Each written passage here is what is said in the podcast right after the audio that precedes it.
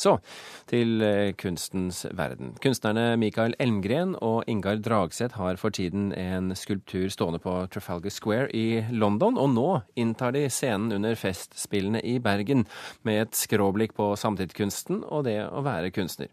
Vi møtte Ingar Elmgren i går, før premieren.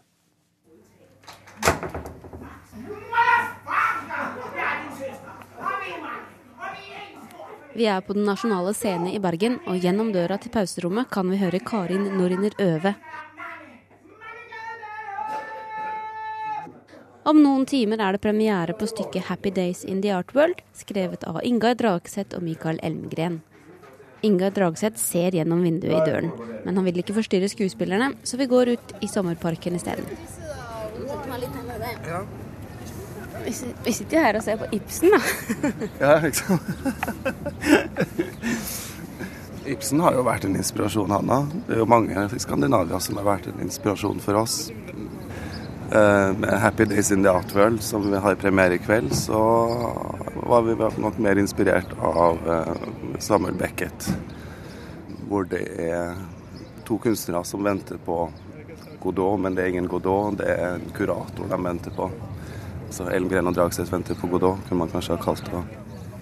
Dragseth og Elmgren er multikunstnere. I vinter ble deres statue, en fire meter høy gyngehest i bronse, avduket på Trafalgar Square i London. Og for tre år siden sto kunstnerduoen bak den dansk-norske paviljongen under Venezia-biennalen. Og det er jo på en måte litt sånn olympiaden for billedkunstnere, da, Venezia-biennalen. Og nå har de skrevet teater. Selv om det her handler om, om to eh, middelaldrende samarbeidende kunstnere, så er det nok eh, ting folk kan kjenne seg igjen i, både i forhold til det med å være to sammen. Altså, det er jo mange som har prøvd å være i et forhold. um, også det med å prøve å få til et samarbeid og, og prøve å få til noe som, som, som, som varer inn i framtiden også, og de konfliktene det kan føre til. Um, det er nok gjenkjennelig. Og også det der med at stykket på en måte handler om å være en del av noe som, som på en måte vokser utover eh, det man forestilte seg da man gikk inn i det. Elmgren og Dragseth har jobbet sammen siden 1995, og i en lang periode var de også kjærester. Det har på en måte vært litt en sånn terapi, kan man si, for oss også, også å forstå hverandre bedre. Fordi vi har jo skrevet det her stykket sammen og sendt dialog fram og tilbake. Og det er jo ikke akkurat de mest positive sidene ved oss som personer som, eh, som kommer fram i stykket. Så det har jo vært morsomt. At man kunne faktisk få lov til å si noe om hverandre uten å lage en sånn direkte konflikt. Har du gått opp noen lys om deg selv i denne prosessen? Jeg vil si at Ole Johan som spiller meg, da, han er nok eh, litt enda mer sånn positiv og naiv enn hva jeg er i virkeligheten, vil jeg si. Så eh, positiv er jeg jo ikke. Men jeg kan godt si at, at jeg kan være litt irriterende med min eh, sånn norske optimisme og tro på fremtiden. Og at, det også kan være en slags sånn undertrykkelsesmekanisme i det. Så det har jeg nok lært meg sjøl. Reporter i Bergen, det var Helena Rønning. Kunstkritiker Karen Frøsland Nystøyl, hva slags scenekunstprosjekt er egentlig dette? Det er et scenekunstprosjekt som handler veldig mye om disse to kunstnerne. Eh, det er klare referanser til Beckett, absolutt. Og det er òg et, et skråblikk på, på, samtidskunsten, men kanskje aller mest på de sine egne verk. Men, men først og fremst så syns jeg det er mm, Det handler om de to. Men handler det om dem som personer eller som kunstnere? Begge deler, og det er det som kan være med på å gjøre dette stykket severdig for flere enn de som er veldig opptatt av kunst. For, eh, for det, må noe, det, må handle om mer enn de to. Det må ha noe mer ved seg for at det skal være interessant som teater. Det mener jeg. Så man trenger ikke være kunstkjenner for å ha glede av dette stykket? Nei, nei, nei, det trenger man absolutt ikke. Men det er klart at det er mange referanser. Og når vi snakker Elmgren og Dragseth, så snakker vi jo eliten innen samtidskunst, verdens kjente navn. Så det er klart at eh, verk som Prada Marfa og, eh, og paviljongene på Venezia-biennalen i 2009, det, det, snakkes om, det refereres til i stykket. Eh, men men man trenger ikke å tenke så mye på det. Man kan ha en god teateropplevelse uten å kjenne så veldig mye til hva dette egentlig handler om. Og det er fordi stykket egentlig handler om eksistens. Um, det er litt vente på Godot-aktig. Disse her to, Elmgren og Dragseth, kan vi jo kalle de um, våkner opp på scenen uh, i en køyeseng. Den ene ligger øverst, den andre nederst. Og så lurer de på hvor er vi nå?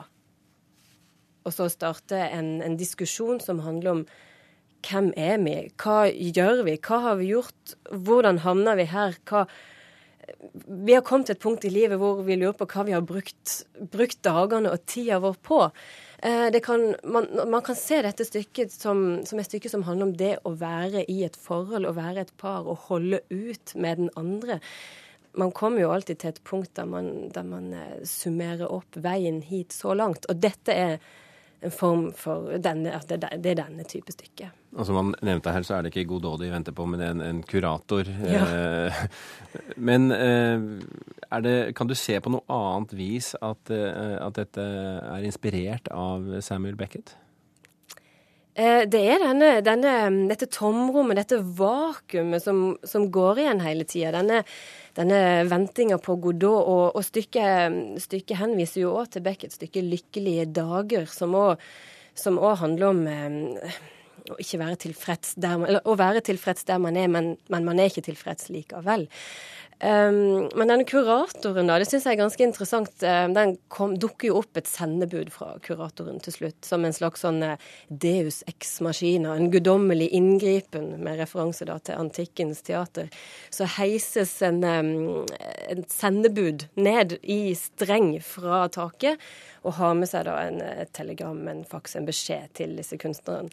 Det som er interessant med dette sendebudet, er at det beskrives som at det er blindt, det kan ikke se, det har solbriller på. Og det lirer av seg en lekse om Elmgren og Dragseth sin kunst, om samtidskunsten for øvrig, som er nærmest uforståelig, men samtidig veldig morsom. Og det at, at denne personen som forteller hvor skapet skal stå, er blind, syns jeg gir noen fine dimensjoner til det. Blind er han også kanskje rettferdig? Nettopp. Vil du si at eh, et teaterstykke satt opp av kunstnere er vesentlig annerledes enn teaterstykker satt opp av teaterfolk? Nei, det, det, altså disse her, både Emgren og Dragseth, har jo jobba med teater før. Og de har, de har satt opp eh, opera før, de har satt opp teater før, et stykke som heter Drama Queens. Og de, de er kjent med formen, og har, man merker at de har lest mye Beckett. Men det, det som blir viktig når kunstnere lager teater, er jo nettopp det å å gjøre det allment, da, og la den som ikke kan så mye om billedkunstens verden, ha en god teateropplevelse. Teater skal jo være noe mer enn bare fagfelt. Det klarer de? Det syns jeg de klarer. Og ja, det, det er ikke sånn dyptloddende og tungt. Det er ganske underholdende og lett. Det er morsomt og komedie og farseaktig. Men de, spesielt samspillet gjør at dette blir et morsomt og interessant stykke. Karen Frøsland Nystøl, takk for at du kom til Kulturnytt.